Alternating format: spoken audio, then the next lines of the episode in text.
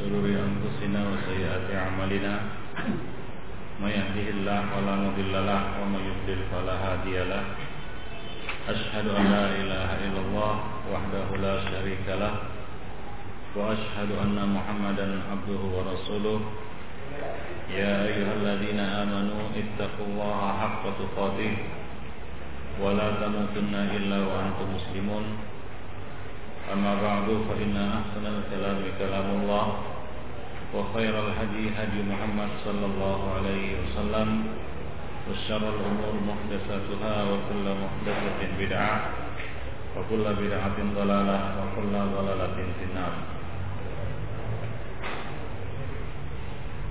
Konfidin kita akan melanjutkan pelajaran kitab Bulughul Maram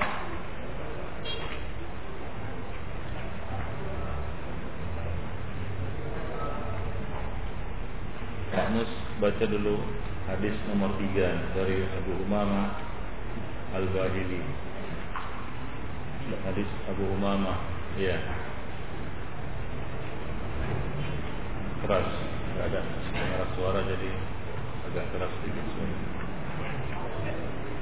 الثالث وعن ابي امامه الباهي رضي الله عنه قال قال رسول الله صلى الله عليه وسلم إن الماء لا ينجس لا ينجسه شيء إلا ما غلب على ريح على ريحه وطعمه ولونه. أخرجه ابن ماجه.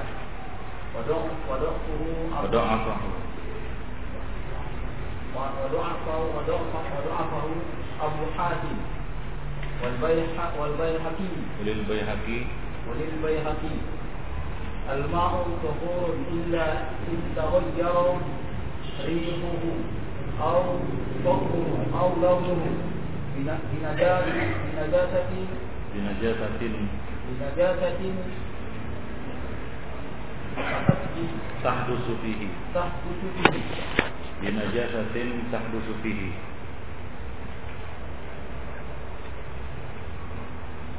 Najasah tahdusu fihi tahdusu fihi itu sebagai apa di situ?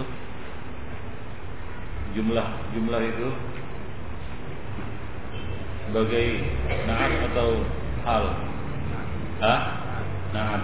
Jadi binajasatin tahdusu fihi najasah yang sifatnya hadisah fihi yaitu jatuh ke dalamnya sifat.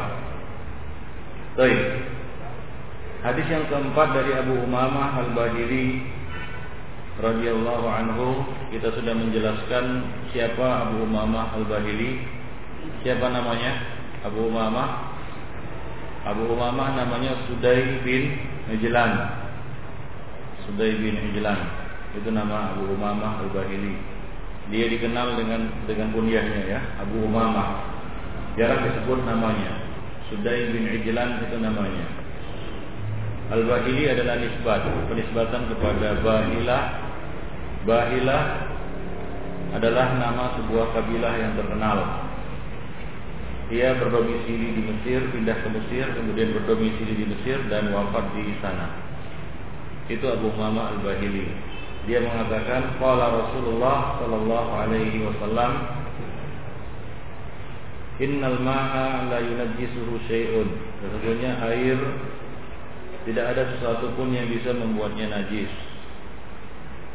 Illa ma ghalaba 'ala rihihi wa ta'mihi wa launihi. Kecuali sesuatu yang mendominasi uh, rihnya yaitu baunya, ta'mihi ta'am yaitu rasanya walaunihi dan warnanya.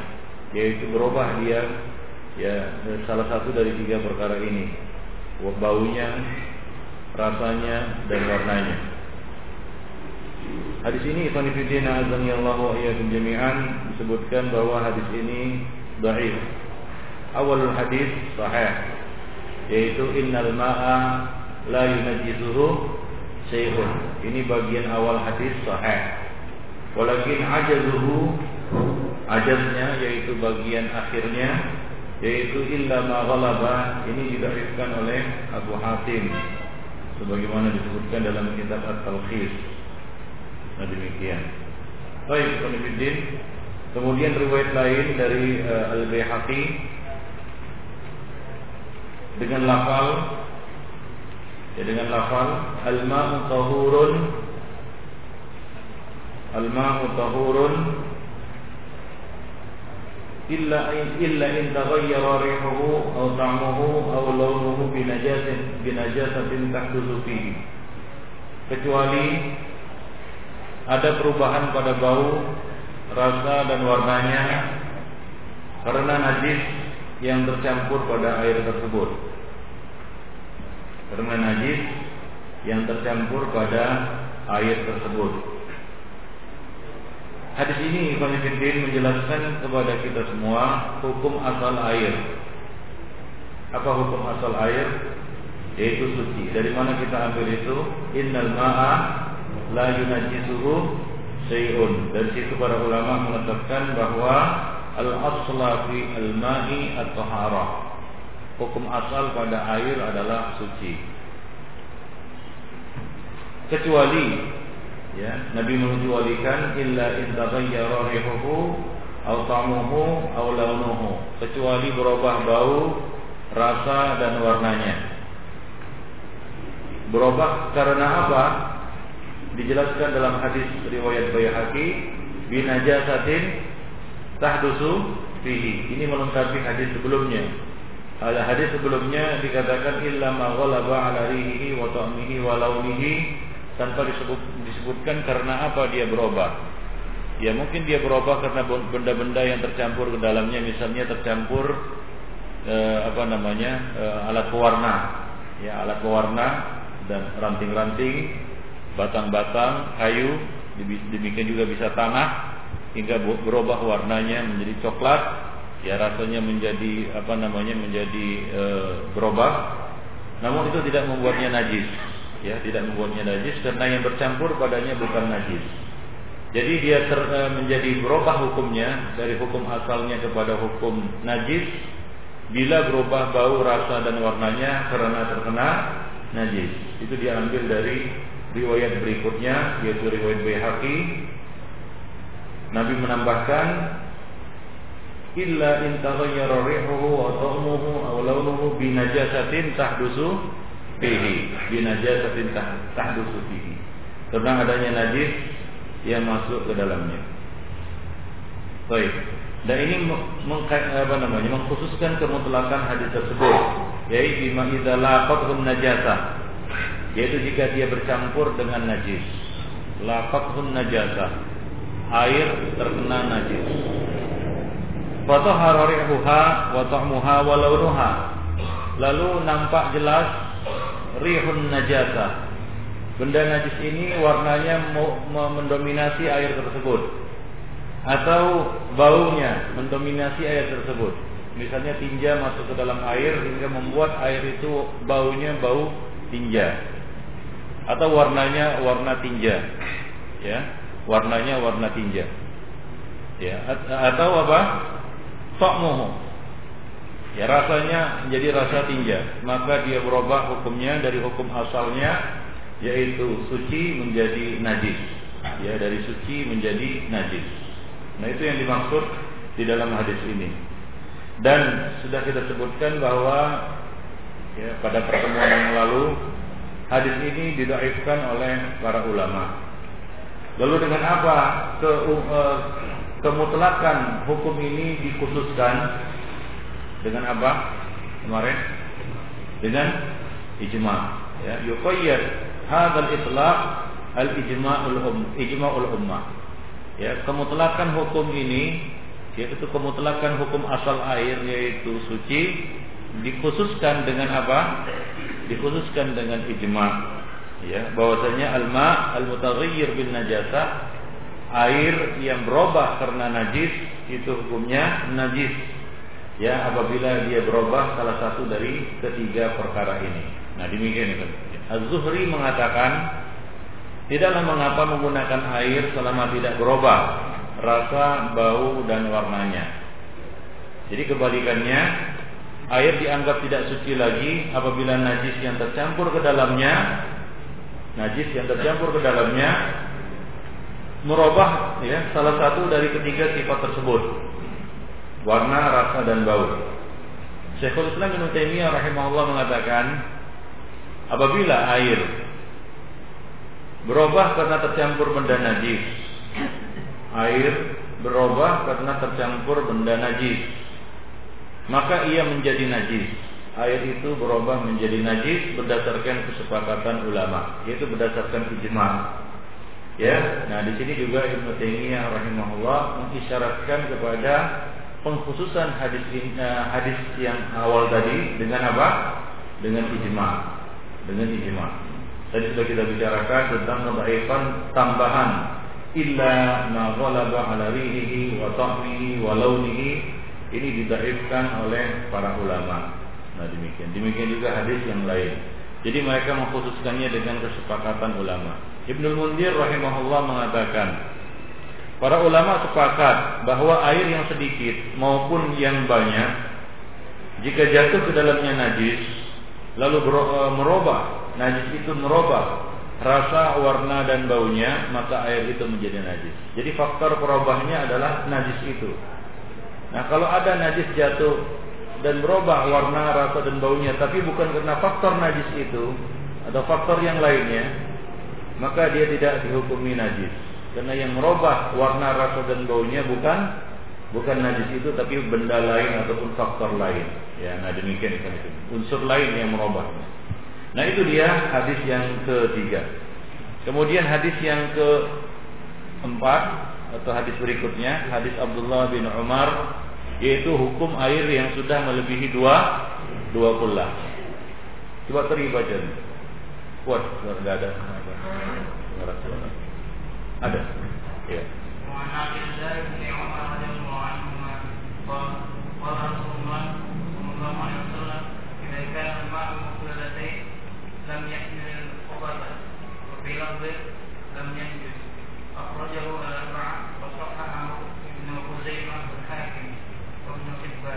Baik, yang kelima ini hadis dua kullah atau para ulama menyebutnya sebagai hadis kullatain. Apa? Hadis kullatain menjelaskan hukum air yang sudah melebihi kadar dua kullah.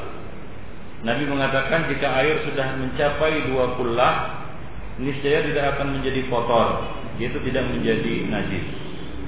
Dalam riwayat lain disebutkan dengan lafal yanjus, lam yanjus. Dalam riwayat lain lam yahmil al khabas. Hadis ini sahih, disahihkan oleh para ulama. Ya. Adapun perawinya siapa? Abdullah bin Umar. Ini kita sudah mengetahui siapa beliau. Beliau adalah putra dari Umar bin Khattab radhiyallahu anhu. Kunyah beliau adalah Abu Abdurrahman. Ya kunyah Ibnu Ibnu Umar radhiyallahu anhu adalah Abu Abdurrahman. Ya Rasulullah sallallahu alaihi wasallam memujinya ya karena ketaatannya di dalam ibadah dan itibaknya kepada sunnah-sunnah Rasulullah Sallallahu Alaihi Wasallam. Ia adalah seorang yang pemberani. Sejak kecil dia sudah ingin ikut berjihad, berjuang bersama Rasulullah, berperang. Namun Rasulullah tidak mengizinkannya karena masih muda belia. Kemudian ketika ia apa namanya berusia 15 tahun, Rasulullah Sallallahu Alaihi Wasallam baru mengizinkannya untuk ikut serta pada perang pertama yang diikuti oleh Abdullah bin Umar yaitu perang apa? Perang Khandaq. Ya, perang Khandaq. Ketika itu usianya uh, baru 15 tahun. Ia juga termasuk apa namanya muhajirin yang berhijrah di awal-awal hijrah. Ia hijrah bersama ayahnya yaitu Umar bin Khattab radhiyallahu anhu. Dan ia termasuk perawi ataupun sahabat yang banyak meriwayatkan hadis-hadis Rasulullah Shallallahu Alaihi Wasallam sekitar 2.500 hadis riwayat Ibnu Umar ini. Nah demikian penelitian. Baik, kullatain dalam Sunan At-Tirmidzi Abdah berkata Muhammad bin Ishaq mengatakan al-qullah adalah bak air. Al-qullah artinya bak air.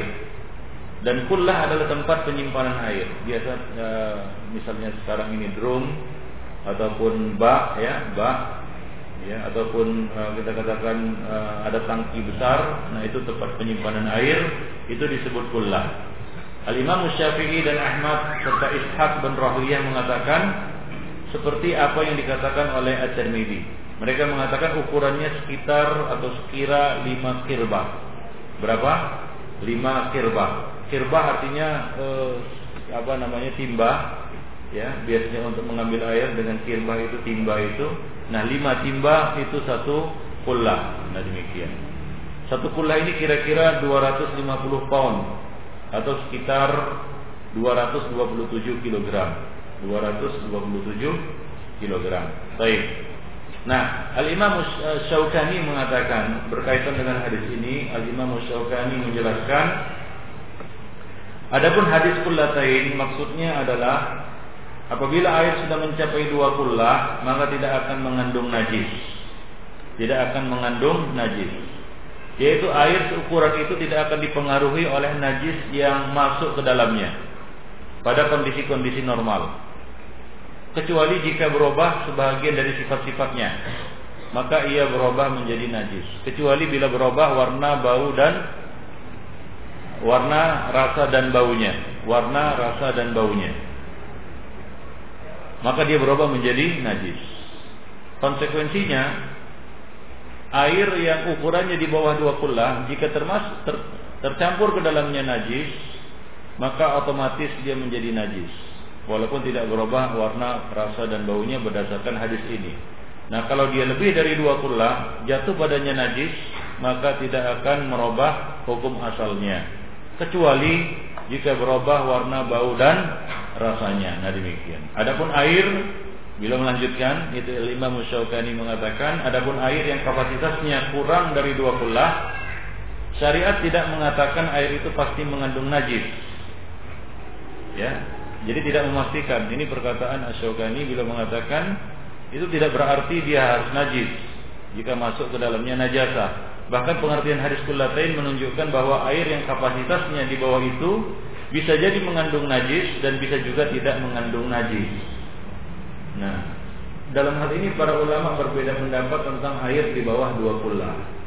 Ya, sebagian mengatakan jika jatuh najis ke dalamnya maka mutlak dia menjadi najis karena jatuhnya apa? Jatuhnya najis ke dalamnya. Sebagian mengatakan tidak. Tidak mengandung najis. Lalu mereka yang mengatakan najis, mereka membawakan hadis dua kullah ini. Lalu dijawab oleh orang-orang yang mengatakan tidak najis. Mereka mengatakan di antaranya jawaban dari Al-Imam Musyaukani ini bahwa pengertian hadis kullatain ini tidak menunjukkan bahwa air yang kapasitasnya di bawah itu langsung menjadi najis apabila jatuh najis ke dalamnya. Ya. Jadi tidak berarti dan tidak memberikan satu pengertian kepada makna tersebut. Jadi bisa jadi ya kalau ukurannya e, kurang dari dua pola masuk najis ke dalamnya bisa jadi dia menjadi najis dan bisa jadi juga tidak mengandung najis. Nah demikian. Dan jika mengandung najis maka itu tidak terlepas dari berubah salah satu dari e, salah satu dari ketiga sifat yang kita sebutkan tadi warna, rasa dan baunya. Artinya Alimah Syafi'i mengatakan hadis ini bukan tidak bisa diambil suatu makhum. Ya makhum di mana kalau kurang dari dua kula namanya makhum adat. Ya dalam usul fikih ini namanya makhum mukhalafah. Ya makhum mukhalafah. Ya jenisnya adalah makhumul adat. Karena di sini Rasulullah menyebutkan adat yaitu bilangan, adat bilangan. Berapa? Dua kula. Lalu bisakah diambil mafhum mukhalafah dari hadis ini bahwa di bawah dua kullah berarti dia tidak berarti dia mengandung najis? Nah, para ulama usul fikih berbeda pendapat tentang e, ihtijaz yaitu argumentasi dengan menggunakan mafhum mukhalafah, mafhumul adat. Sebagian mengatakan ini bisa dijadikan sebagai hujah, sebagian lagi tidak. Nah, Al-Imam Musyaukani mengatakan di dalam hadis ini bahwa menurut beliau tidak bisa diambil mafhumul adat di dalam hadis ini. Hadis ini tidak menunjukkan bahwa di bawah dua kulah pasti mengandung najis. Dan tidak juga mengatakan pasti tidak mengandung najis. Tapi hadis ini memberikan jaminan kalau dia lebih dari dua kulah jatuh najis pasti tidak mengandung najis. Bisa dipahami? Pasti tidak mengandung najis kecuali kecuali berubah warna, bau dan rasanya. Jadi di mana perbedaan para ulama di dalam masalah ini yaitu mengenai hadis di bawah dua dua bulan. Ya tentang mafhum adat dari hadis ini. Apakah bisa diambil mafhum adat dari hadis ini atau tidak? Al-Imam lebih condong kepada pendapat ini dan ini pendapat yang lebih rajih yaitu di bawah dua kullah tidak lantas tidak harus pasti mengandung najis. Bisa jadi mengandung, bisa jadi tidak. Ya, bisa jadi ya najis, bisa jadi tidak. Nah, demikian. Jadi tidak ada jaminan. Jadi dilihat apa namanya perubahan warna, bau dan rasanya. Adapun di atas dua kullah masuk najis pasti tidak mengandung najis kecuali berubah salah satu dari keduanya. Wallah. Dan salah satu dari ketiga sifatnya. Nah itu hadis eh, yang ke berapa? Yang keempat mengenai hadis dua puluh. Kemudian hadis berikutnya Coba apa Mubarak baca mengenai larangan mandi dan buang air kecil di air yang tergenang. Hadis Abu hadis Abu Hurairah. Baik, baca.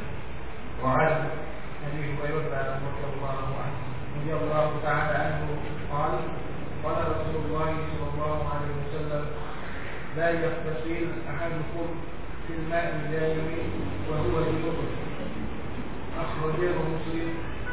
وللبخاري لا لا يبلن لا يبلن أحدكم في الماء دائم الذي دائم الذي لا يجري ثم لا يغتسل فيه ثم يغتسل فيه ثم لا يغتسل فيه ثم يغتسل adalah di situ adalah tidak Summa ثم يغتسل فيه ya وللمسلم منه ولأبي داود ولا يغتسل فيه من من الجنابة baik hadis berkaitan tentang hukum menggunakan air yang tergenang atau e, larangan mandi dan buang air buang air besar maupun buang air kecil di air yang tergenang.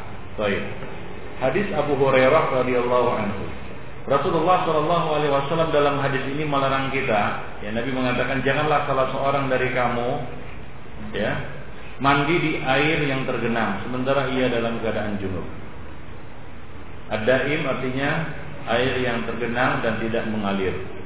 Dalam riwayat yang lain, yaitu riwayat Bukhari dengan lafal, janganlah salah seorang dari kamu buang air kecil di air yang tergenang yang tidak mengalir, kemudian ia mandi di situ.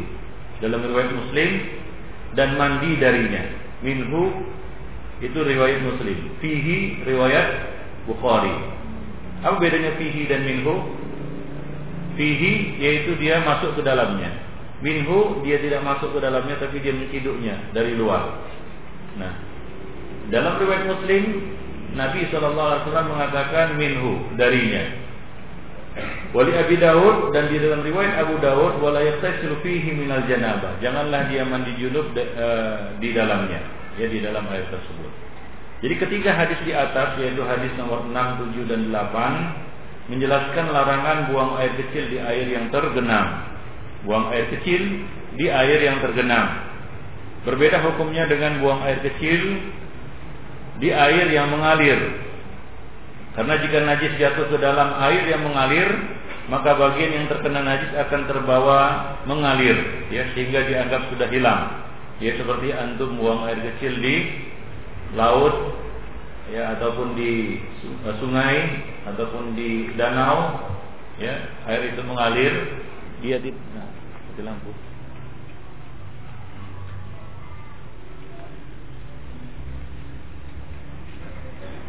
mati lampu ya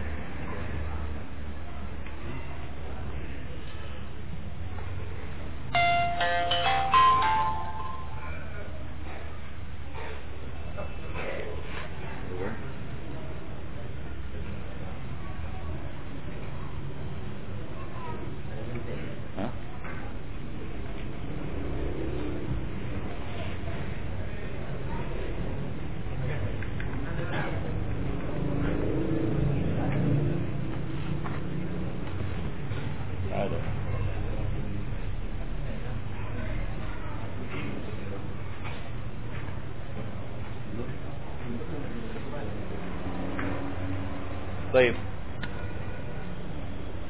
lampu ini. Mati lampu Pak? Ya?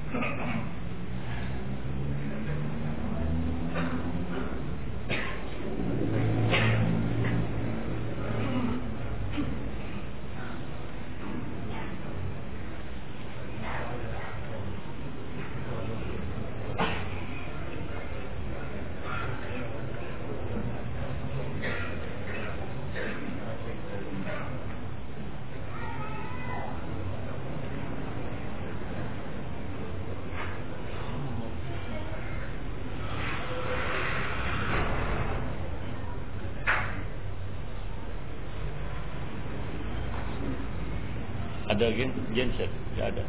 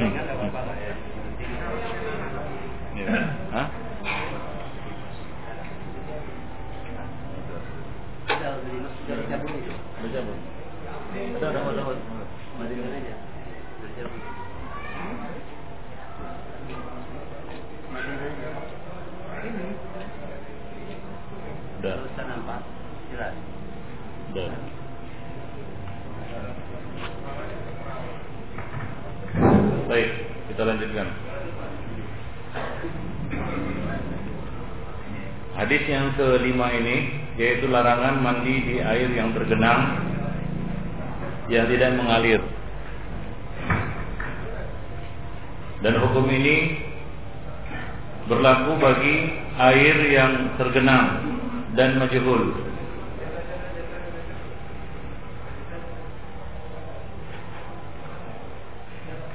Sudah, sudah, apa? Panas-panas nggak apa-apa, berkeringat. Baik, sudah. Jadi hukum ini berkaitan dengan air yang tergenang dan majhul. Ya, maksudnya majhul di sini tidak diketahui. Misalnya air sadahan hujan dan dia tidak tidak mengalir. Ya, di tanah ataupun di tem- tempat yang terbuka kita tidak mengetahui dari mana asal usul air ini, maka ini tidak boleh mandi junub padanya. Mandi junub padanya tidak di, di- tidak dianggap sah. Bagaimana mandi-mandi yang lainnya? Mandi-mandi yang lainnya silakan mandi-mandi membersih badan di situ selama tidak kencing di situ ya. Dan di sini ada larangan secara khusus terpisah larangan kencing, buang air kecil, ya apalagi mafhum muwafaqah aulawinya buang air besar di air yang tergenang. Ini ada larangan tersendiri. Kemudian larangan menggunakan air yang tergenang ini untuk mandi junub. Adapun untuk mandi biasa, Ya, selama kita mengenal air ini tidak ada najisnya, itu tidak mengapa. Artinya tidak eh, apa namanya terkait dengan hukum apa-apa. Tapi kalau mandi junub, maka tidak dinyatakan sah mandi junubnya. Demikian pula mandi Jumat bagi yang mengatakan mandi Jumat itu wajib. Jadi mandi-mandi yang sifatnya wajib seperti mandi Jumat, kemudian mandi dari haid dan mandi apa? Mandi junub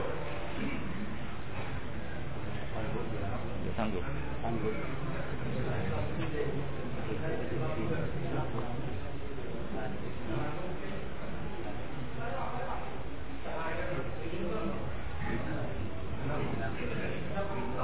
Oh, itu sanggup.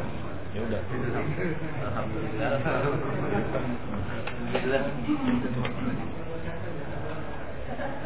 Panas memang. Tidak ada. Ini Bapak. Ya. Ya.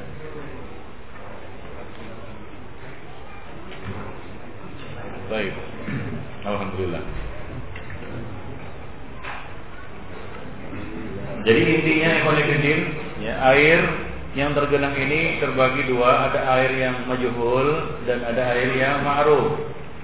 Air yang majhul adalah air-air tadahan hujan, air-air di luar yang tergenang, kita menemukan air tergenang yang kita kita kita tidak ketahui ya uh, apa namanya asal usul air ini maka ini dilarang digunakan untuk mandi-mandi wajib.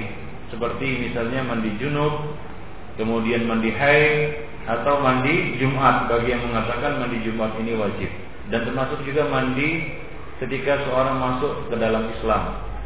Ya ada mandi mandi ketika orang itu masuk ke dalam Islam wajib mandi. Ini mandi wajib ini tidak boleh di air yang tergenang. Adapun mandi-mandi lainnya selama air itu tidak ya apa namanya layak untuk digunakan mandi dan tidak nampak najis secara zahir ada padanya silakan. Ya ada air tergenang di situ kayaknya juga enggak masalah. Ya. silakan mandi di situ. Mandi biasa tapi ya akan tapi mandi junub tidak boleh karena ada larangan. Nabi mengatakan la yaktasilu ahadukum fil ma'id daim wa huwa junubun. Dan dalam hadis yang lain la yaktasilu fihi minal janabah lalu disamakan hukumnya hukum mandi-mandi wajib lainnya seperti mandi Jumat Ya, kemudian mandi haid, mandi dari haid bagi wanita dan mandi masuk Islam. Nah demikian ikhwan fillah azani Allah wa. Sebagian menambahkan yaitu mandi memandikan jenazah. Tidak boleh dari air yang ter tergenang itu.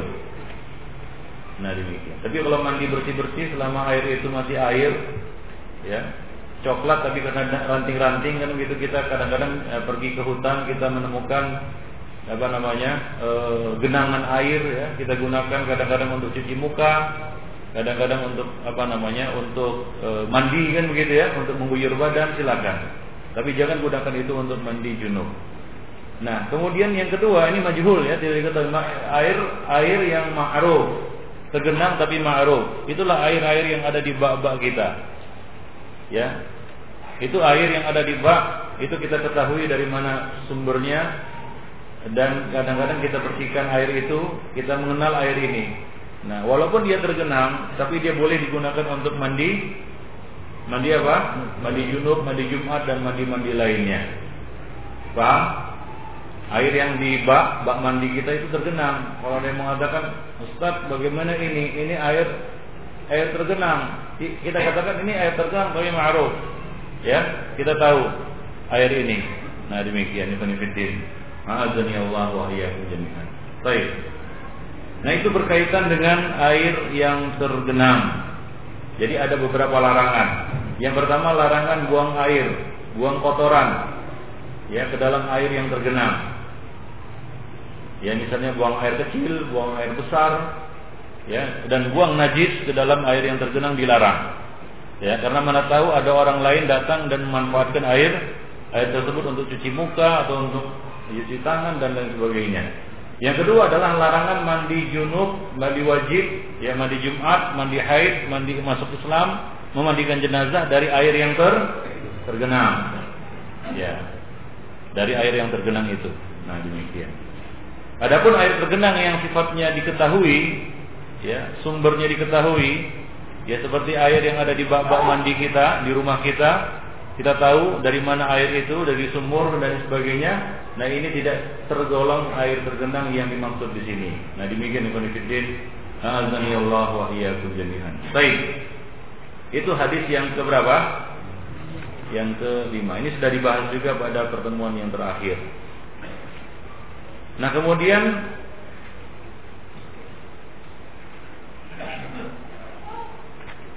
hadis yang berikutnya.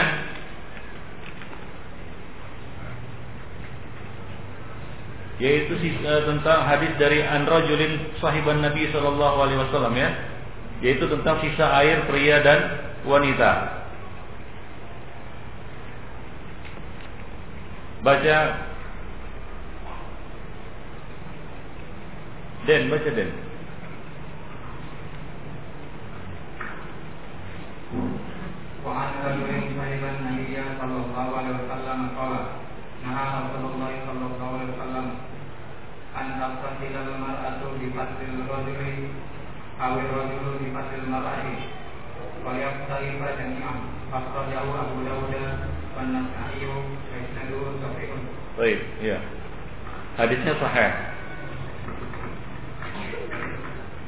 An rajulin sahiban Nabi sallallahu alaihi wasallam.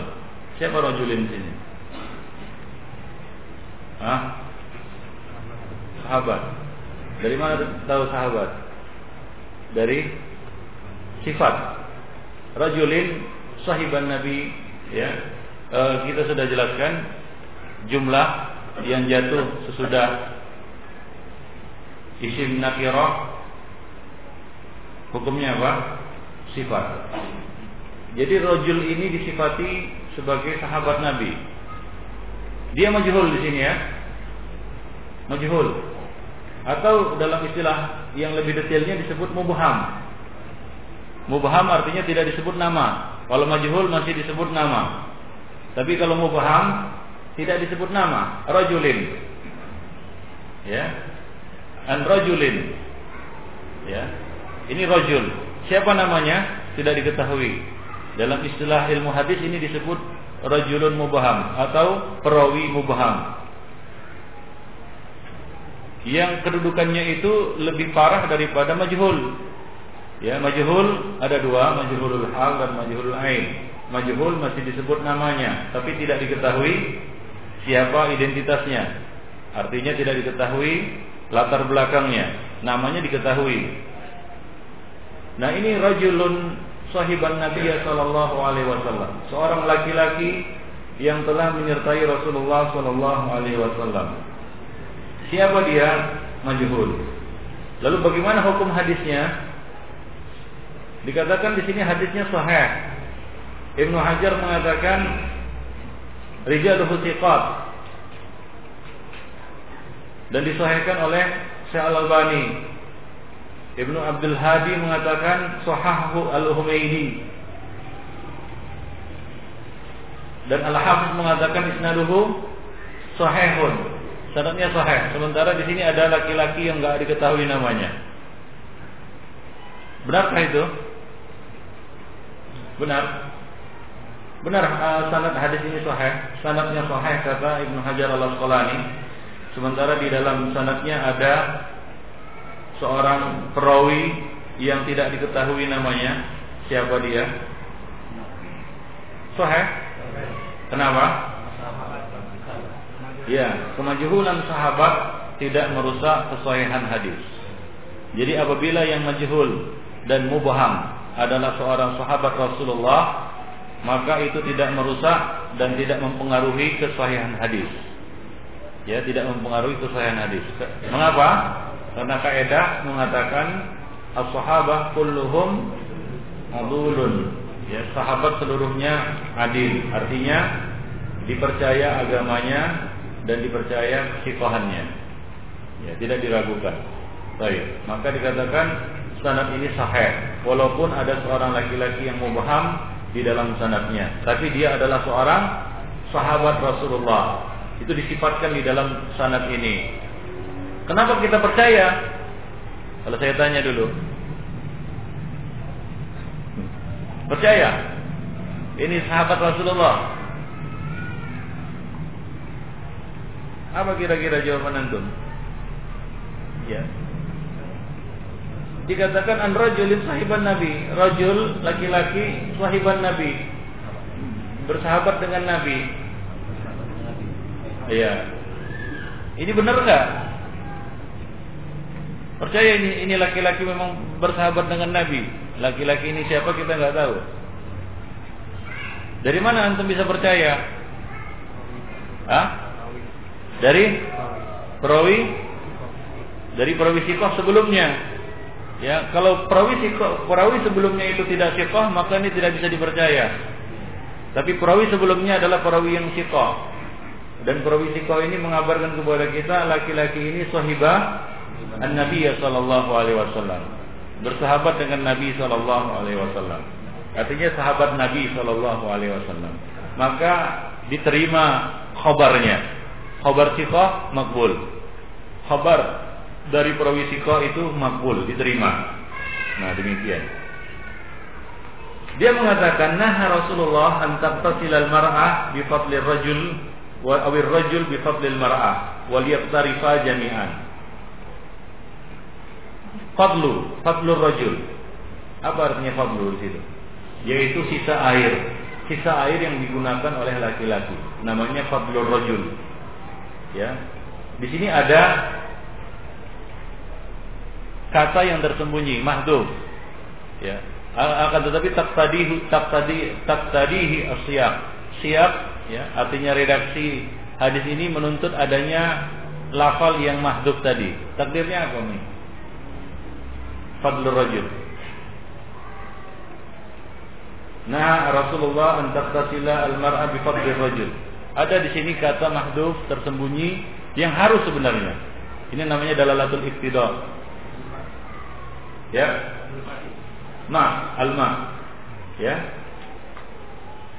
Nah Rasulullah an tattasil mar'atu bi fadli ma'i ar-rajuli.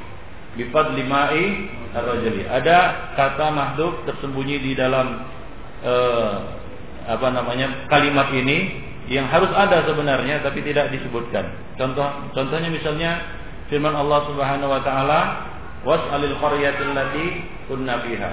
Tanyakanlah kepada qaryah yaitu kampung yang kami ada di dalamnya. Ada kata tersembunyi di situ.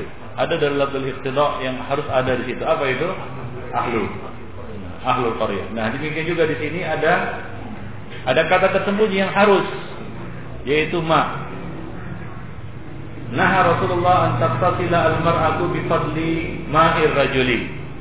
Jadi fadlul fadlul rajuli artinya sisa air laki laki-laki yaitu sisa air yang dipakai oleh kaum laki-laki. Ya, nisbat ma kepada rajul adalah nisbat ya ah, bukan milkiyah tapi apa namanya nisbat ya kita katakan nisbat apa? Nisbat apa di situ? Apakah milkiyah? Nisbat milkiyah. Ya kepemilikan. Air itu milik laki laki-laki yaitu yang digunakan oleh kaum laki-laki. Demikian juga fadlul mar'ah di situ ada kata yang tersembunyi yang mahdhuf takdirnya ma juga. E fadlu ma'i al-mar'ati. Yaitu sisa air laki uh, afwan perempuan. Wal yaqtarifa. Wal yaqtarifa. Itu lafal untuk musanna ya.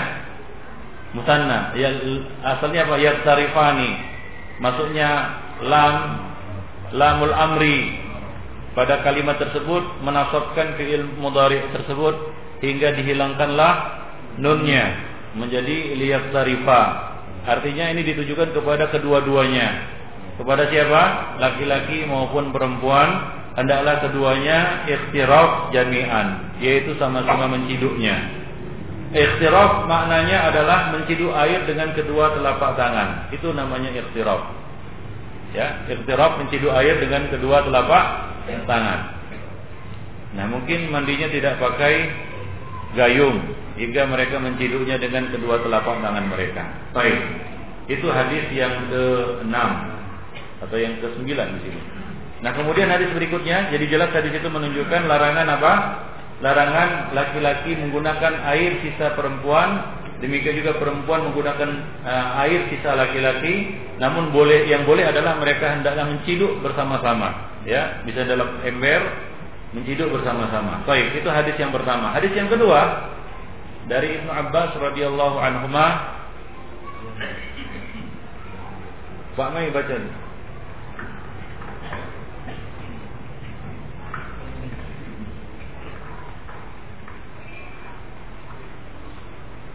السابق.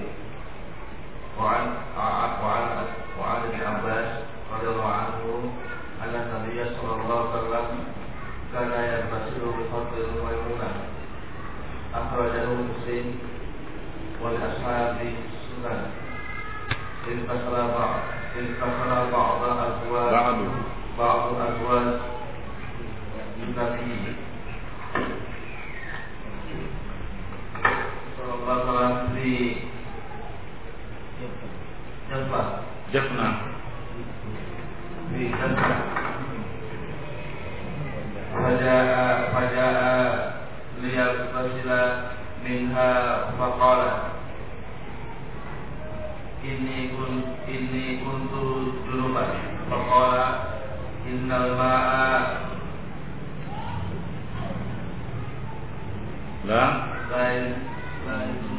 la yajnubu. Ya innal ma'a la yajnubu.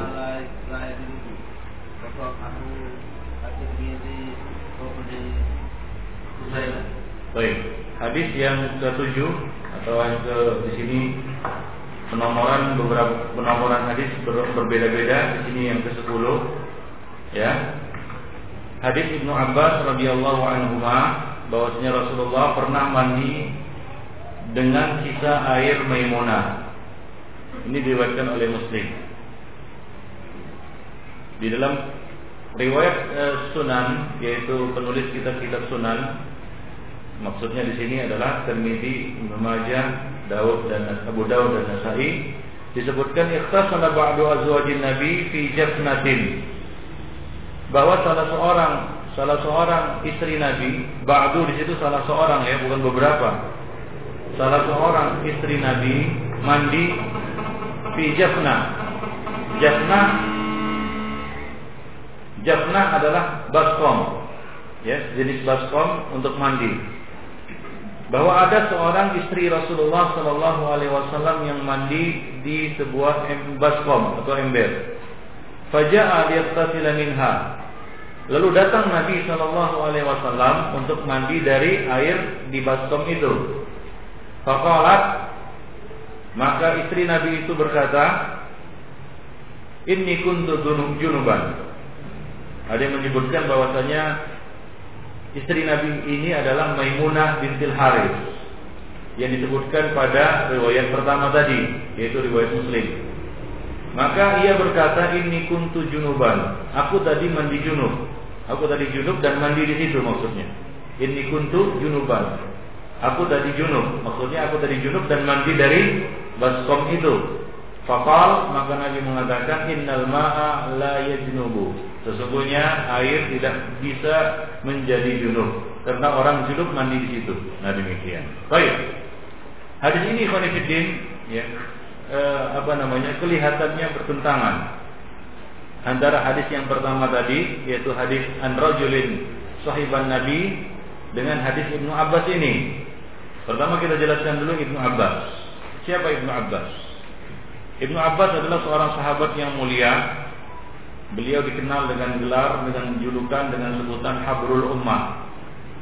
Abdullah bin Abbas bin Abdul Muttalib Al-Hashimi Al-Quraisy, keponakan Rasulullah. Beliau adalah keponakan Rasulullah Shallallahu Alaihi Wasallam. Beliau juga digelari Turjumanul Quran. Disebut Turjumanul Quran karena beliau menguasai ilmu tafsir Al-Quran dan imam kaum muslimin dalam bidang tafsir. Rasulullah Shallallahu Alaihi Wasallam mendoakan beliau supaya Allah menganugerahinya ilmu tafsir dan fikih. Maka ia disebut Habrul Ummah atau disebut juga Bahrul Ulum, lautan ilmu. Karena keluasan ilmu yang dimilikinya baik itu di dalam bidang tafsir, bahasa Arab, sejarah, syair-syair Arab dan sejarah bangsa Arab. Jadi dia menguasai, beliau menguasai itu. Dan beliau termasuk salah seorang anggota Majelis Syura pada masa kekhalifahan Umar ibnu Al-Khattab radhiyallahu anhu. Dan dia termasuk orang yang diutamakan oleh Khulafaur Rasyidin. Dia sering dilibatkan untuk mengambil keputusan dalam masalah-masalah yang penting. Sementara dia masih sangat muda waktu itu, yaitu masih belasan tahun atau masih pemuda ya yang masih kita katakan beranjak dewasa, baru balik. Tapi ia mendapatkan kedudukan yang penting di tengah-tengah sahabat-sahabat yang lebih senior. Ini disebabkan karena ilmu yang beliau miliki. Dia Allah hada ya fa'illah wa habi hadzal kitab Allah Subhanahu wa taala mengangkat sebahagian kaum yarfa'ullahu qaw bi hadzal kitab aqwaman wa bihi akharin. Allah mengangkat dengan Al-Qur'an sebahagian kaum dan merendahkan ya sebagian kaum yang lainnya juga dengan Al-Qur'an yaitu dengan ilmu yang mereka kuasai dan karena mereka membelakangi Al-Qur'an. Nah, demikian. Baik, jadi beliau termasuk ya seorang sahabat yang terkemuka. Beliau ditunjuk ya sebagai amir uh, jemaah haji oleh Utsman Ibnu Affan pada tahun 35 Hijriah. Dan ia turut serta memerangi kaum Khawarij dan beliaulah yang mendebat ya, ya beliau mematahkan argumentasi kaum khawarij hingga separuh dari mereka rujuk kepada kebenaran. Ya, siapa yang mendebat mereka? Abdullah ibnu Abbas radhiyallahu anhu. Nah demikian.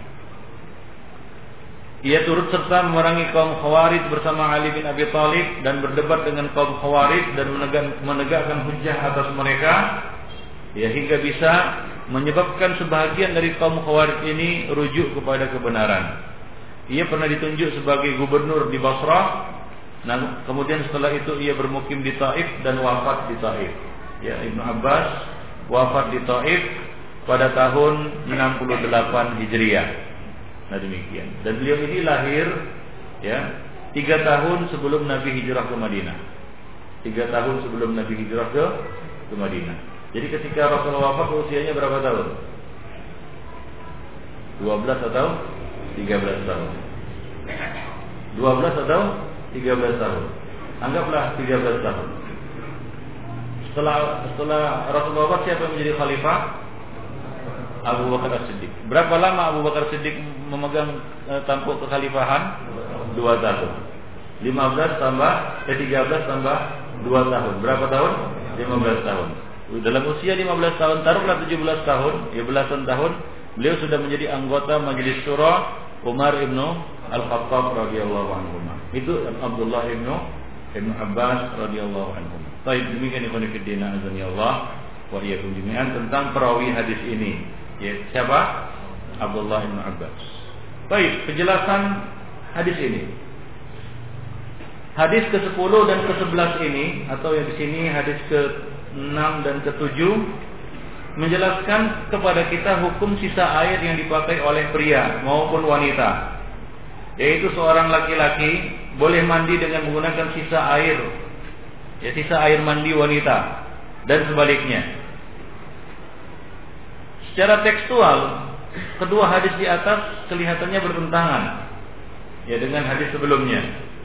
Dan untuk menggabungkannya kita katakan untuk menggabungkan kedua hadis ini yaitu hadis Ibnu Abbas ini dan hadis sebelumnya hadis orang laki-laki sahiban Nabi Shallallahu Alaihi Wasallam kita katakan larangan pada hadis ke, eh, eh, ya, sebelumnya yaitu larangan pada hadis yang ke enam Ya, hadis yang sebelumnya, hadis yang dari seorang laki-laki yang menjadi sahabat Nabi tadi. Larangan pada hadis tersebut kita bawakan kepada makna makruh tanzi. Ya, jadi hadis Nah Rasulullah an tabtasila al-mar'a bi fadli rajul aw rajul bi fadli al-mar'a. Ini larangannya, nahyunya di sini nahyu li at-tanzih. Kita katakan Larangan tersebut kita bawakan kepada makna makruh tanzih. Sementara perbuatan Nabi yang disebutkan pada hadis Ibnu Abbas yaitu hadis ke-7 atau ke-10 ke-11 di dalam riwayat apa buku lain menerangkan bolehnya hal tersebut. Menerangkan bolehnya hal hal tersebut. Bahwa hal itu boleh. Ya. Sementara larangan sebelumnya itu adalah makruh tanzih, bukan haram. Jadi boleh. Karena Nabi melakukannya. Nabi SAW pernah mandi dengan menggunakan sisa air Maimunah radhiyallahu anha. Nah, tapi afdolnya adalah ya hendaklah mereka mandi bersama-sama. Itu lebih afdol daripada ya kita kan misalnya di dalam rumah air terbatas kita tahu ya pada masa Nabi Nabi hidup di gurun ya yang sedikit air mungkin persediaan air di dalam rumah itu terbatas dan ma, ma, ma, namanya air mandi Rasulullah itu ya tidak lebih dari lima mud kan begitu ya lima mud mandi Nabi. Baik. Anggaplah di sana ada satu satu baskom air atau satu ember air dan tidak ada air yang lainnya lalu kedua suami istri atau sepasang suami istri ya sepasang suami istri junub. Pada malam hari mereka melakukan hubungan suami istri. Sementara air di dalam rumah mereka cuma satu ember misalnya cukup ya untuk mandi. Dua orang. Cukup untuk mandi dua orang. Maka mana yang cara yang paling bagus untuk mereka? Apakah mandi laki-laki dulu atau perempuan dulu kemudian pasangannya atau bersama-sama bersama-sama lebih bagus walaupun kita katakan kalau kalau ya suaminya duluan mandi kemudian baru istrinya boleh boleh berdasarkan hadis yang ke tujuh ini atau hadis Ibnu Abbas ini. Atau sebaliknya. Ya. Sebaliknya. Ya, si apa istri dulu mandi baru si suami atau suami dulu mandi baru istri. Boleh. Jawabnya boleh, tapi ini makruh. Ya, berdasarkan hadis sebelumnya. Yang paling bagus yang afdal adalah keduanya mandi bersama-sama. Nabi mengatakan liyaqtarifa jami'an. Hendaklah kedua mandi bersama-sama dari kedua bejana itu. Dan Nabi pernah mandi bersama Aisyah ya dari satu bejana. Hingga Aisyah mengatakan da'ni da'ni. Artinya sisakan untukku, sisakan untukku. Jadi di sana ada sunnah mandi bersama bagi sepasang suami istri. Apalagi dalam kondisi air terbatas. Yang mana kalau salah satu dari keduanya mandi, maka akan jatuh kepada perkara yang makruh ya, makruh tanzih seperti yang kita tadi yaitu terpaksa orang yang kedua mandi mandi dari sisa air pasangannya dan mandi junub maka dalam kondisi seperti ini yang paling afdal bagi keduanya adalah mandi bersama-sama. Nah, tentunya Ikhwan Fiddin banyak sekali faedah dan banyak sekali manfaat sepasang suami istri mandi bersama-sama. Kalau ditanya, bolehkah mandi bersama-sama sepasang suami istri? Hah? Boleh? Boleh. Walau tanpa basahan? Hah? Tanpa basahan, tahu basahan? Boleh. Boleh? Boleh. Nah demikian. Baik, inilah yang afdal dari sisi banyak dari banyak sisi. Dari sisi menghindari hukum makruh ini, itu satu. Ya, untuk menghindari apa? Hukum makruh. Karena kalau istrinya duluan mandi baru suaminya atau sebaliknya, maka salah satu dari keduanya jatuh pada hukum makruh, yaitu menggunakan sisa air pasangannya atau lawan jenisnya. Nah demikian ya Ya. Jadi dari satu sisi ini, dari sisi ini, maka yang afdal adalah dia mandi bersama-sama. Keduanya mandi bersama-sama. Ya, afdalnya itu dilihat dari tinjau dari sisi untuk menghindari hukum makruh. Yang kedua, Ibn Fidin melaksanakan sunnah Nabi. Jadi satu sisi untuk menghindari apa hukum makruh. Yang kedua, mengamalkan sunnah Nabi, yaitu mandi bersama antara sepasang suami istri. Ya. Iya dari lihat dari pajamian dan dari hadis lain, yaitu kisah Nabi mandi bersama Aisyah radhiyallahu anha yang mandi junub, keduanya mandi bersama-sama. Nah demikian.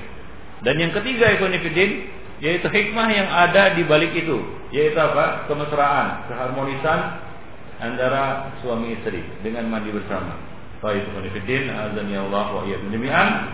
Jadi itulah yang lebih afdal apabila Ya di dalam rumah itu tidak ada air kecuali cukup untuk dua orang. Maka yang terbaik adalah mereka mandi bersama-sama kecuali sisa apa persediaan air banyak ya persediaan air banyak ya maka eh, apa namanya si si istri ataupun si suami tidak harus menggunakan sisa air sisa air apa pasangannya. Ya misalnya kita punya tangki ataupun pakai pam dan lain sebagainya ya persediaan air banyak ya tentunya ini tidak ya terkena kepada hukum makruh ini ya. Nah demikian. Baik Walaupun demikian ya di dalam penggunaan air untuk mandi junub adalah jangan berlebih lebihan. Baik. Nabi mandi itu tidak lebih dari lima lima mud ikhwanifidin. Baik. Nah kemudian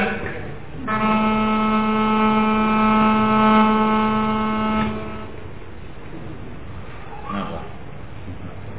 Di di off kan aja supaya nggak ada yang selalu Taibidin hadis yang berikutnya yaitu berkaitan tentang cara ya membersihkan bejana yang dijilat oleh oleh anjing.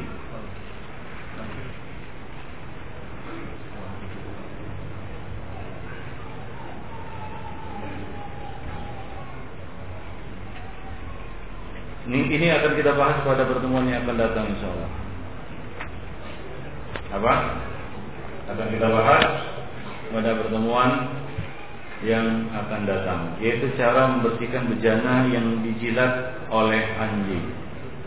Atau anjing minum padanya. Ya anjing minum padanya. Yaitu bejana piring ya atau uh, alat-alat perabotan rumah tangga yang ada air di situ. Kemudian uh, datang anjing minum di situ. Ya Tentunya anjing minum tidak mengangkatnya seperti kita minum ya, tapi men menjilatnya, menjilat air tersebut. Maka di sini ada ketentuan sunnah bagaimana caranya membersihkan bejana yang dijilat anjing tersebut. Bagaimana membersihkan bejana, piring atau sejenisnya mangkok yang terkena jilatan anjing atau yang dijilat oleh anjing. Nah dalam hal ini Ibn ya banyak yang keliru ya mereka mengatakan bahwa segala sesuatu yang dijilat anjing harus disama yaitu dicuci dengan tanah dan air. Kita katakan ini keliru. Hingga ada orang yang pakaiannya dijilat anjing dia sama dengan air dan tanah. Ya rusak. Rusak apa namanya? Rusak pakaiannya. Ya. atau misalnya badannya dijilat anjing maka dia sama dengan apa dengan air dan tanah. Nah ini juga keliru. Karena yang diperintahkan untuk dibersihkan dengan air dan tanah adalah bejana yang anjing minum di situ.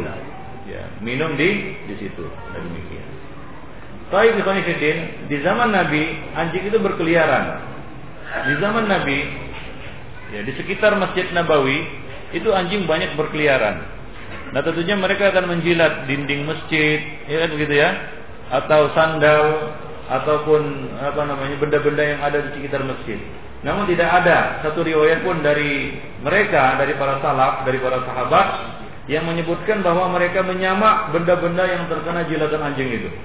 Dan akan sangat susah jika semua yang dijilat anjing harus disamak dengan air dan dan tanah.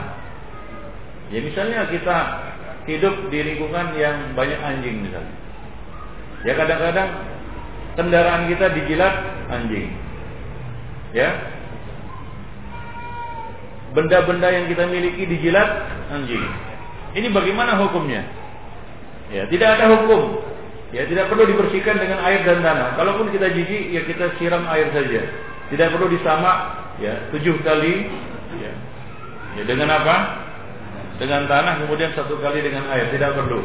Karena yang ini berlaku khusus untuk bejana yang anjing minum padanya. Bejana yang anjing minum pada bejana itu Nah demikian. Apa makan? Makan dan minum padanya. Baik. Nah itu dia Ikhwanifidin pembahasan yang akan kita bahas pada pertemuan yang akan datang insya Allah. Nah di sini kita akan menyampaikan beberapa faedah yang kita ambil dari buku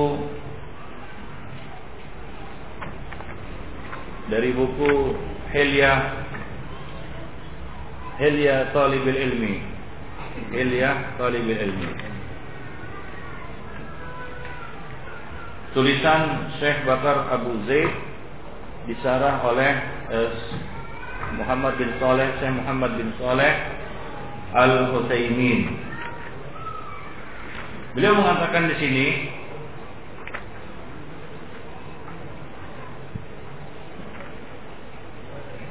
pada pasal yang kedua Kaifiatut talab wa talaqi. Kaifiat artinya kaifiat. Antum tahu kaifiat. Tata cara.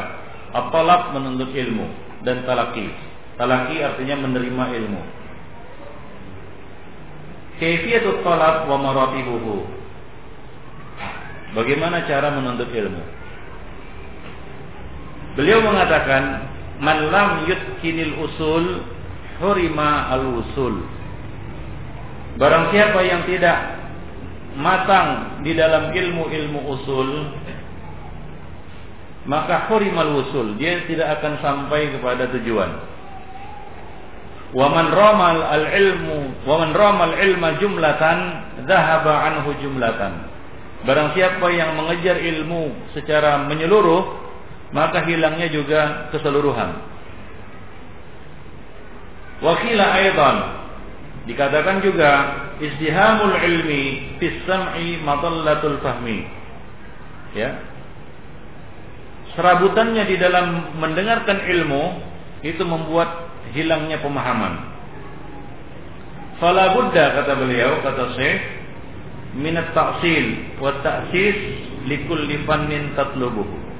Maka harus menguasai ta'sil yaitu ilmu-ilmu usul dan asas untuk setiap cabang ilmu yang engkau pelajari. Bidoksi aslihi wa mukhtasarihi ala syekhin mutqin dengan ya, mematangkan uh, usul-usulnya dan mukhtasarnya ringkasan-ringkasannya di bawah bimbingan seorang syekh guru yang mutqin la bitahsilid dzati wahdahu tidak dengan menuntut ilmu secara otodidak akhidan at-talaba bitadarruj. Menuntut ilmu, mengambil ilmu itu dengan tadarruj, dengan marhalah. Artinya fase-fase menuntut ilmu harus dilalui.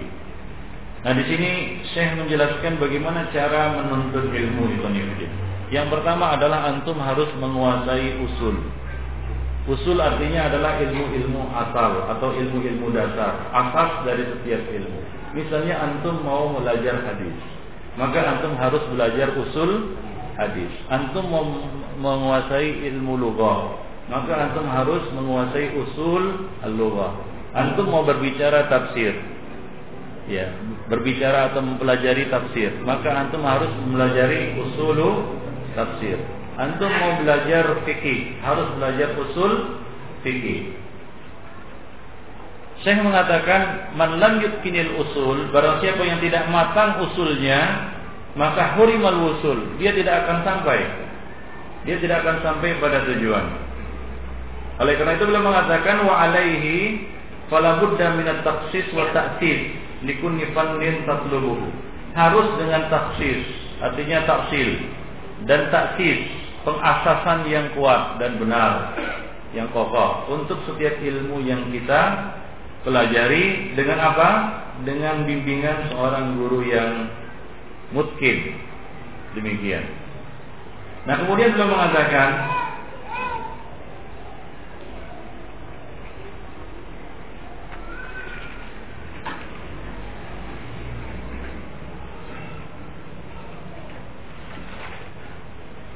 wala yusmah lit ula ay an tajlis fi durusi tabaqati tsaniyah wa hakada daf'an litaswis ini faedah bagi para penuntut ilmu ya saya bacakan. Wala yusmah tidak diizinkan bagi kelas kelas 1 untuk duduk di kelas 2 ya wala yusmah li tabaqatil ula an tajlis fi durusit tabaqatis tsaniyah. Kalau kelasnya masih kelas 1, tingkatannya masih kelas 1, tingkatan ula misalnya, maka dia tidak diizinkan untuk mengikuti pelajaran di kelas 2. Wahakada. Demikian seterusnya. Untuk apa? Daf'an taswis agar tidak mengganggu. Jadi ini Syekh menjelaskan bahwa e, metode klasikal ya, apa? Metode kelas itu adalah metode yang ma'ruf dikenal di kalangan ulama. Mungkin antum pernah mendengar orang-orang yang mengatakan wah nggak ada pakai kelas-kelas. Duduk seperti ini semua, ya satu kelas semua. Nah ini namanya kajian umum. Ya, nah di sana ada kita katakan pelajaran-pelajaran khusus, ya, yang butuh pengklasifikasian. Ada kelas, kelas satu, kelas dua dan seterusnya. Nah, masing-masing orang harus mengerti di mana kedudukannya. Kalau dia kelas 1, tingkatannya kelas 1, maka dia tidak boleh duduk di kelas 2. Kenapa? Kalau dia duduk di kelas 2, ini bisa mengganggu yang lain. Daf'an tasfis. Maka dari itu kita tidak setuju dengan orang-orang yang mengatakan nggak ada istilah kelas di dalam apa namanya di dalam menuntut ilmu. Kita katakan ada dan ma'ruf. Para ulama juga menyebutkannya di dalam buku-buku mereka bahwa ada tingkatan di dalam menuntut ilmu. Jika antum tahu kapan tamatnya, Antum sudah kelas berapa? Ya, nanti tingkatannya sampai kelas berapa, selesainya di mana itu jelas. Tapi kalau nggak ada kelas, ini susah. Kenapa? Karena nggak ngerti selesainya kapan, sudah sampai di mana. Nah, sebenarnya dia masih kelas 1 tapi dia menganggap sudah sampai kelas 7, ya kelas 6. Padahal dia masih kelas 1. Kenapa? Karena nggak ikut di dalam kelas. Nah demikian. Jadi harus ada klasifikasi bagi para penuntut ilmu. Baik. Nah demikian ini metode di dalam menuntut ilmu Ibnuddin ya. Yang pertama matangkan ilmu-ilmu usul dalam setiap ilmu yang engkau pelajari. Yang kedua perhatikan tingkatanmu sampai di mana tingkatanmu. Ya, nah demikian. Kalau misalnya tidak mampu atau belum belum sampai kepada tingkatan tertentu, ya pantasnya kita masih kelas 1 maka jangan minta kelas kelas 2 kalau pantasnya kita itu kelas 2 jangan minta kelas 3. Apalagi kelas 1 minta langsung kelas kelas 3. Nah, demikian. Baik.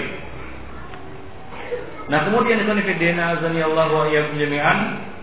Nah, di sini beliau menyebutkan tentang e, beberapa materi-materi yang harus dipelajari di dalam setiap cabang ilmu. Misalnya di dalam ilmu fikih, apa yang harus dibaca, di dalam ilmu hadis apa yang harus dibaca, kemudian di dalam ilmu akidah apa yang harus dibaca dan seterusnya.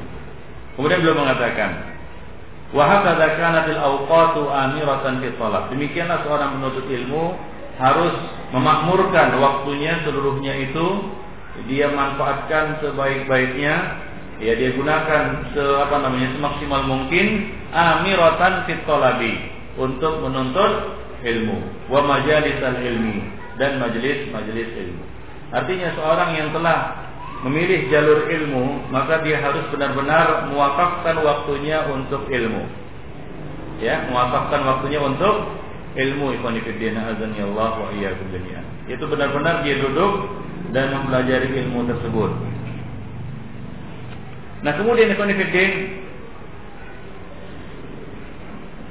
Beliau mengatakan al-aslu fi talab ay yakuna bi tariqit talqin wa talaqqi anil asatid. Pada asalnya menuntut ilmu itu harus dengan tariqah talqin dan talaqi. Talqin artinya pembacaan ilmu itu kepada guru atau guru membacakan ilmu itu kepadanya dari al-asatid yaitu dari guru. Wal musafana lil asya dan duduk bermajelis dengan al-asya yaitu dengan orang-orang yang yang berilmu yaitu syekh yang bisa mengajarinya. Wal aqdu min aqwahir rijal dan mengambilnya dari lisan guru. La minas suhuf wa butunil kutub bukan dari buku-buku yaitu belajar ilmu secara otodidak Wal awal min babil min babi akhdin nasib anin nasibin nasib. Yaitu kita wal awal ya pertama ikhwan fillah min babil al akhdin nasib anin nasib an nasib. Kita mengambil ilmu itu dari nasabnya yang natik. Natik artinya apa? Ber bersuara. Ya, wa muallim yaitu siapa? Muallim yaitu guru. Wa amma anil kitab fa. Adapun kitab kitab ini benda benda mati. Nah kita nggak bisa ditanya. Kalau kita baca kitab, kita nggak ngerti, kita nggak bisa tanya. Dan kalaupun salah apa yang tertulis dalam kitab, maka salah juga kita membacanya. Ya berapa banyak itu kesalahan-kesalahan cetak itu wajar, kesalahan tulis, tashif dan tahrif di dalam buku-buku ilmu. Nah kalau dia tidak belajar dengan bimbingan seorang guru, bisa saja dia salah. Nah demikian, bisa saja dia salah dan keliru. Nah demikian. Oleh karena itu, tariqah para ulama dahulu mereka belajar ilmu secara talaki min afwahir rijal dari ya para guru. Nah demikian yang konfidena azan ya Allah wa iyyakum jami'an. Kemudian beliau mengatakan Ar-rabitah baina talibil ilmi wa muallimihi. Hubungan antara talibul ilmi dengan gurunya. Beliau mengatakan fayakunu irtibatu bainal abaina ahli ilmi min as-sighri ila al-kibar. Yaitu hubungan antara seorang anak dengan orang yang lebih lebih tua darinya. Yaitu dia harus memberikan takdir. Takdir di sini artinya apa? Peng penghormatan. Beliau di sini menyebutkan beberapa adab talib ma'asyaihihi jadi disebutkan man al ilmu wahdahu kharaja wahdahu Barang siapa yang masuk ke dalam ilmu ini sendirian, maka dia akan keluar juga sendirian. Wa dakhala ilmi bila syekh kharaja minhu bila ilmi. Barang siapa yang masuk ke dalam apa namanya? talabul ilmi ini bila syekh tanpa guru kharaja minhu bila ilmi.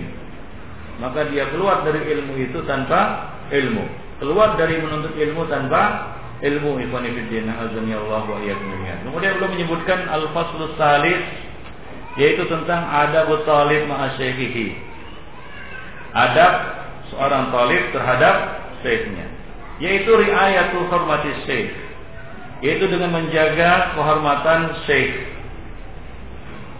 Bima anna al-ilm la yu'khadhu ibtida'an min al-kutub beliau mengatakan sebagaimana halnya ilmu tidak bisa diambil dari buku-buku yaitu secara otodidak balabudda min syekhin tutkinu alaihi mafatihat qalab tapi harus dengan bimbingan seorang syekh yang ahli yang bisa membimbingnya yang membuka pintu-pintu apa namanya pintu-pintu ilmu baginya. Mana minal asari wa zalal agar dia selamat dan aman dari kesalahan-kesalahan dan kekeliruan-kekeliruan. Fa'alaika oleh karena itu kata beliau idan bitahalli bi riayati hurmatihi. Fa'alaika idan maka oleh karena itu engkau harus menghiasi diri dengan riayatu hormati, menjaga kehormatannya. Fa inna dzalika unwanun najah wal falah wa tahsil wa taufiq. Karena itu merupakan tanda keberhasilan dan kemenangan al-falah, at-tahsil. Ya, itu kunci mendapatkan ilmu dan taufik mendapatkan ilmu. Falyakun shaykhuka mahallu ijlalin minka wa ikramin wa takdirin wa. Hendaklah engkau ber, berlaku ya, ijlal. Ijlal artinya menghormati, memuliakan, memberikan penghormatan, takdir dan talatuf yaitu lembut. Fokus di majami'il adab ma'a syekhika fi julusika ma'ahu. Ambillah atau beradablah dengan adab-adab ya yang yang mulia yang bagus terhadap syekhmu atau gurumu di dalam majelis-majelis bersamanya. Wa tahaddus ilaihi ketika berbicara kepadanya. Wa husnul su'al wal istima' mendengar uh, husnul soal yaitu pertanyaan yang baik kemudian husnul istima mendengarkan menyimak dengan baik pula wa husnul adab adab yang baik kita sahihil kitab amamahu wa ma'al kitab ya ketika membolak-balik apa namanya lembaran buku di hadapannya dan adab terhadap kitab. Adab terhadap kitab. Jadi kitab ini harus kita harus ada adab juga terhadap kitab. Yaitu kita muliakan, jangan kita lemparkan. Kadang-kadang kita lihat sebagian penuntut ilmu selesai menuntut ilmu kitabnya ter, tercecer entah ke mana. Ini menunjukkan bahwa dia tidak ada adab terhadap kitab wa tarku tatawul wal muraat amamahu. Dan e, dan meninggalkan atatawul yaitu banyak berbicara dan berdebat di depannya. Ya dan berdebat di depannya. Wa iktarul kalam indahu. Iktarul kalam artinya banyak banyak omong banyak bicara di sisinya atau di, di dekatnya. Nah demikian konfidin wa ilha alaihi fi jawab. Memaksanya untuk menjawab pertanyaan wa mutajanniban al-iktsari minas soal serta menjauhi banyak bertanya tanpa faedah. La siyama ma syuhudil malak. Apalagi di hadapan orang orang banyak. Nah demikian ikhwan fillah. Azani Allah wa jami'an. Fa inna hadza yujibu lakal ghurur wa lahul karena ini akan bisa menyebabkan engkau ujub ya. Karena seorang talib banyak bertanya ya kepada gurunya pertanyaan-pertanyaan sebenarnya tidak penting. Ini bisa menyebabkan dia itu ujub. Dan menyebabkan syekh itu juga bosan malal walahul malal. Ya syekhnya bisa bosan juga. Kalau misalnya dia terus bertanya dengan pertanyaan-pertanyaan yang kadang-kadang tidak apa namanya tidak uh, relevan dan kadang-kadang juga tidak berfaedah. Dan jangan memaksanya untuk menjawab. Nah demikian. Baik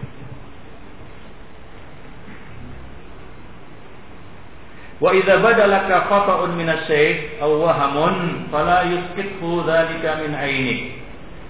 Jika nampak bagimu satu kesalahan dari syekh atau satu kekeliruan, maka janganlah engkau jatuhkan ia dari pandanganmu. Fa innahu sababun li hirmanika min ilmihi. Karena itu akan menyebabkan kamu terhalang dari il dari ilmunya. Ada dua orang yang kita harus sabar menghadapinya. Siapa? Muallim dan tabib, guru dan tabib, dokter. Karena kalau kita tidak sabar sama dokter, ya dia marah, ya dia apa namanya, dia kesal, ya dia kasih obat yang justru nggak sembuh-sembuh kita dibikinnya, kan begitu? Demikian juga guru. Imam Syafi'i mengatakan dua manusia yang kamu harus sabar terhadap apa namanya terhadap keduanya, yaitu tabib dan muallim, tabib dan apa namanya guru. Tabib dan karena itu bisa menjadi sebab engkau terhalang dari ilmunya. Wa man dalladhi yanju minal khata'i saliman. Ya, lalu siapa yang selamat dari ke kesalahan? Enggak ada yang selamat dari kesalahan. Enggak ada yang lepas dari kekeliruan. Semua ada kekeliruan dan semua ada kesalahan. Baik. Akan tetapi kalau kita menjadikan kesalahan-kesalahan itu sebagai apa namanya sebagai uh, kita katakan uh, alasan untuk menjatuhkannya dari pandangan kita maka kita akan apa namanya akan terhalang dari ilmu ilmunya. Ada sebagian orang ya dia ingin belajar dari syekh. Nah, ketika dia lihat syekh ternyata syekh tidak seperti yang dia bayangkan. Ya, lalu dia mengatakan, "Wah, saya cari syekh yang lain." Nah, begitu dia cari syekh yang lain, dia dapat dia dapat juga apa yang tidak dia inginkan. Wah, ternyata ini masih belum. Cari lagi yang lain. Sampai kiamat dia nggak akan menuntut ilmu. Ya ke mana pun dia pergi dia akan menuntut ilmu. Akhirnya dia duduk sendirian dan mengatakan kalau begitu aku sudah alim. Jadilah dia mufti. Tanpa belajar, kan begitu. Dia dia belajar sini wah ini kurang. Pergi ke sini wah ini kurang. Pergi ke sana kurang, kurang, kurang, kurang. Akhirnya bagaimana? Duduklah dia sendirian jadi mufti tanpa tanpa belajar. Nah demikian. Nah ini adalah suatu ya kita katakan kekeliruan bagi para penuntut ilmu. Ya jadi di sana kita harus apa namanya e, memiliki adab ya terhadap syekh. Baik, wahdar antu amilahu bima yudjiruhu. Hindarilah perkara-perkara yang membuat dia kesal. Ya namanya juga kita memohon ilmu, meminta ilmu kepadanya kan begitu ya kita penuntut ilmu. Kita ingin faedah istifadah ilmu darinya. Ya, istifadah artinya mengambil faedah ilmu darinya, maka kita harus sabar untuk menghadapinya. Nah demikian kami Nah kemudian beliau mengatakan wala tukhatibhu ya wala tunadihi. Wala tukhatibhu bi ismihi mujarradan. Janganlah kamu panggil dia dengan namanya. Ya janganlah kamu panggil dia dengan namanya. Kalau kita ya telah mengambil faedah ilmu darinya maka tidak pantas kita memanggilnya dengan apa? Dengan sebutan namanya mujarradan. Ya misalnya kita katakan ya kulan ya dengan menyebut namanya. Tapi panggillah dengan panggilan yang terhormat. Ya saya kuna misalnya dan jenisnya. Fa innahu arfa'u fil adab. Ya arfa'u lil fil adab. Karena itu menunjukkan adab yang lebih tinggi konekidin rahimani wa rahimakumullah jami'an. Wandur ma dzakarahu Allah taala min ad-dalalah 'ala al-adab ma'al mu'allimin nas al-khair. Coba lihat. Apa yang Allah Subhanahu wa taala sebutkan berkaitan dengan adab terhadap Rasulullah mu'alimun nasal khair, orang yang mengajarkan kebaikan kepada manusia. Allah mengatakan la taj'alu du'a ar-rasuli bainakum ka du'a ibadikum ba'da. Janganlah kamu jadikan panggilan kepada Rasul seperti panggilan di antara sesama kamu. Hadil ayat lil ulama fi tafsiriha qaulan. Dalam menafsirkan ayat ini, para ulama ada dua pendapat. Pendapat pertama mengatakan ai la tunaduhu bi ismihi kama yunadi ba'dukum ba'dha. Yaitu janganlah kamu panggil namanya sebagaimana kamu sebagian kamu memanggil sebagian lainnya. Itu yang pertama. Yang kedua, la taj'alu du'aahu iyyakum ka du'a ibadikum ba'dha, bal 'alaikum an tujibuhu wa tamtasilu amrahu. Janganlah kamu jadikan ya du'aahu iyyakum, panggilan beli panggilannya kepadamu sebagaimana panggilan sebagian kamu kepada sebagian lainnya. Artinya seruan. Ya, jadi kalau misalnya Syekh menyeru, maka kita harus memperhatikannya. Ya, bal alaikum an tujibuhu. Bahkan hendaklah kamu tujibuhu menjawabnya. Wa tamtasilu amrahu dan melakukan apa yang diinstruksikannya atau yang diarahkannya. Wa tajtanibu nahyahu bi khilafi ghairihi. Nah demikian. Itu berkaitan dengan uh, ayat yang yang tadi yang kita bacakan. Wa kama la yaliku an taqula liwalidika dil ubuwah aftiniyah ya fulan sebagaimana tidak layak bagimu memanggil orang tuamu atau ayahmu ayah ya, apa namanya ubuwah tiniyah. Ubuwah tiniyah artinya ya apa namanya ayah kandungmu ayah yang berasal dari nasabmu dengan sebutan ya fulan. Ya apakah kita bisa dan beradab memanggil ayah kita dengan sebutan namanya dengan mengatakan ya fulan ya Abdul Karim misalnya nama bapaknya Abdul Karim lalu dia memanggil bapaknya dengan mengatakan hey, Abdul Karim kemari ya tentunya ini tidak beradab Ibn nah demikian Fala yajmulu bika. Demikian pula tidak bagus bagimu melakukannya terhadap siapa? Terhadap gurumu. Kemudian waltazim tauqir al majlis dan selalulah menghormati majelis. Wa idharas surur minad durus dan menampakkan kegembiraan dari pelajaran yang telah disampaikan. Kesenangan. Wal ifadatu wal ifadati fi wal ifadatu bihi dan mengambil faedah darinya. Ada sebagian orang hadir ke majelis untuk berbagai macam tujuan, bukan untuk mengambil faedah ilmu darinya. Hingga dia datang ke majelis dan keluar darinya tanpa membawa faedah apa-apa. Maka hendaklah kita mentaukir, artinya menghormati majelis. Ya, sebagian majelis saya lihat ya, ini adab sangat kurang. Di mana muallim ataupun ustaz ataupun syekh ataupun apa namanya kita katakan khatib ya pembicara belum lagi menyelesaikan bicaranya, belum lagi menutup majelis, orang-orang sudah pada bubar atau sudah sibuk dengan kesibukan-kesibukan lainnya atau tidak lagi fokus kepada majelis. Padahal boleh jadi faedah itu disebutkan di akhir majelis.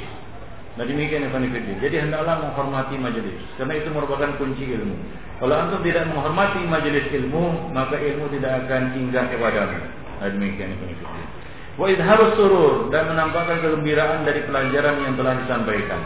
Ya, ilmu yang telah disampaikan ya Fanifidin. Azani Allah wa iyyakum Karena menuntut ilmu itu berat. Berapa banyak orang-orang yang berusaha untuk menuntut ilmu tapi tidak bisa melanjutkannya. Karena merasa berat. Berat memang menuntut ilmu itu berat. Nah, lebih berat lagi untuk berbicara ya Fanifidin, menyampaikan ilmu itu berat. Ya, apalagi berkomentar tentang agama, ya berbicara tentang din, apalagi berbicara tentang dakwah, ini berat. Kalau kita menuntut ilmu saja tidak bisa dan tidak mau dan kita keberatan, seharusnya kita lebih berat lagi berkomentar tentang din ini. Apalagi berkaitan tentang apa? Tentang hukum halal haram, boleh tidak dan berkaitan tentang dakwah ikhwan fillah azani Allah wa iyyakum Baik. Dan tentunya tidak ada yang lebih patut kita syukuri ya, daripada faedah ilmu yang disampaikan oleh guru kepada kita. Sudah berapa banyak kita memperoleh faedah ilmu ya dari syekh atau dari ustaz. Ya.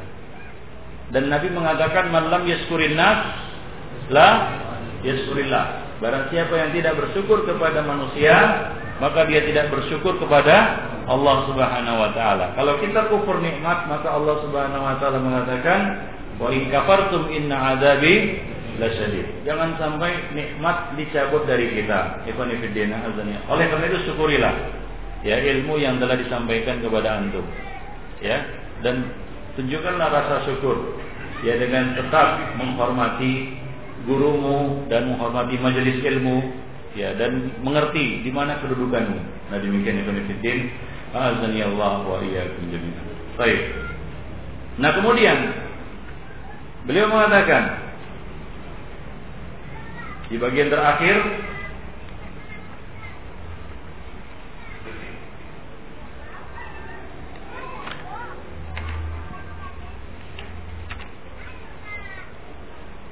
At-talaqi anil mubtadi' yaitu mengambil ilmu dari mubtadi'. Beliau mengatakan idzar abal jahli al-mubtadi'ah Hindarilah, jauhilah Abul Jahli. Istilahnya Abul Jahli. Di sini Syekh Abu Bakar Abu Zaid menyebutnya dengan sebutan Abul Jahl. Ya, Abul Jahl, Zul Jahl. Zul Jahl. Aba di sini maksudnya adalah Zul. Zul Jahl. Ada Zul ilmin, ada Zul ilmin. Zul ilmin apa artinya? Sahibu ilmin. Kalau Zul Jahli, sahibu al-jahli. Siapa itu? Al-mubtadi'ah yaitu orang mubtadi, seorang mubtadi. Walladzi masahu zayghul aqidah, yang mana akidahnya menyimpang. Ya, akidahnya apa? Menyimpang. Wa ghasya wa ghasyathu suhubul khurafa. Masat masahu zayghul aqidah. Akidahnya menyimpang. Ghasyathu suhubul khurafa. Kata-katanya khurafat. Ya, kata-katanya khurafat yuhakkimul hawa wa yusammi wa yusammihil akal. Dia berhukum dengan hawa nafsu dan dia sebut ini adalah logika. Nah demikian Ibn Fiddin. Ya'dilu anil nafs. Berpaling dari nafs. Wahalil aqlu illa finnas. Bukankah akal itu adalah dengan memahami nafs? Ya bukan mempertentangkannya dengan Nah, nah demikian Ibn Allah. Jadi di sini beliau mengatakan hendaklah seorang penuntut ilmu menjauhi ahli bid'ah, yaitu tidak menuntut ilmu dari ahli bid'ah. Nasab antum di dalam ilmu menjadi jauh.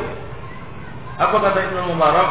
Ibnu Mubarak mengatakan ihdaru al-ilm uh, ihdaru apa namanya ihdaru talab anil asagir hindarilah kamu menuntut ilmu dari al asagir lalu ditanya apa itu al asagir beliau mengatakan al mubtadi'ah yaitu ahli ahli bid'ah. Asagir nah kalau kita syekh kita ahli bid'ah maka nasab ilmu kita jauh. Apalagi misalnya kita tahu ada syekh ahlu sunnah. Lalu kita men men men mengambil ilmu dari ahli bid'ah. Maka nasab kita bertambah jauh, bukan bertambah dekat. Ya nasab kita bertambah apa? Bertambah jauh, bukan bertambah dekat. Ibn Ibn Allah wa iyyakum jami'an. Baik. Al-Imam Az-Zahabi mengatakan, "Idza ra'aital mutakallim al-mubtadi' yaqul," jika engkau lihat seorang ahli kalam, mubtadi' mengatakan, "Da'na minal kitabi wal ahadits." tinggalkan dulu Al-Quran dan hadis. Wahadil akal. Mari kita berbicara dengan logika. Fa'lam annahu Abu Jahlin. Maka ketahuilah bahwasanya dia adalah ahlu ahlul jahal. Nah, dia adalah orang orang jahil Dan orang jahil ya pepatah Arab mengatakan faqidus syai' la yu'ti. Orang yang tidak memiliki sesuatu tidak akan bisa mem memberi. Kalau kita belajar dari ahli bid'ah, apa yang dia bisa beri? Apakah dia bisa memberi sunnah kepada kita? Fakidus syai' la yutihi. Fakid artinya fakid artinya tidak memiliki sesuatu tidak akan bisa mem memberi. Kalau antum tidak punya uang, bisakah antum memberi uang? Bisa. Antum tidak punya emas, bisa memberi emas. Apa yang antum beri? Apa yang antum miliki? Nah, kalau seseorang tidak punya ilmu melainkan kebidahan, lalu apa yang diberikannya kepada kita? Bid'ah. Maka dari itu hindarilah menuntut ilmu dari ahli bid'ah ikhwanifiddina azani Allah wa jami'an. Tuntutlah ilmu dari ahlu sunnah. Yang sudah jelas ya manhajnya akidahnya. Nah demikian ikhwanifiddin. Rahimani wa rahimakumullah jami'an. Nah itulah dia beberapa faedah yang bisa kita petik ya dari apa namanya dari buku uh, Hilyah Talibul Ilmi tulisan Syekh Bakar Abu Zaid. Mudah-mudahan bermanfaat. Subhanakallah bihamdik. Asyhadu an la ilaha illa anta wa astaghfiruka wa atubu ilaik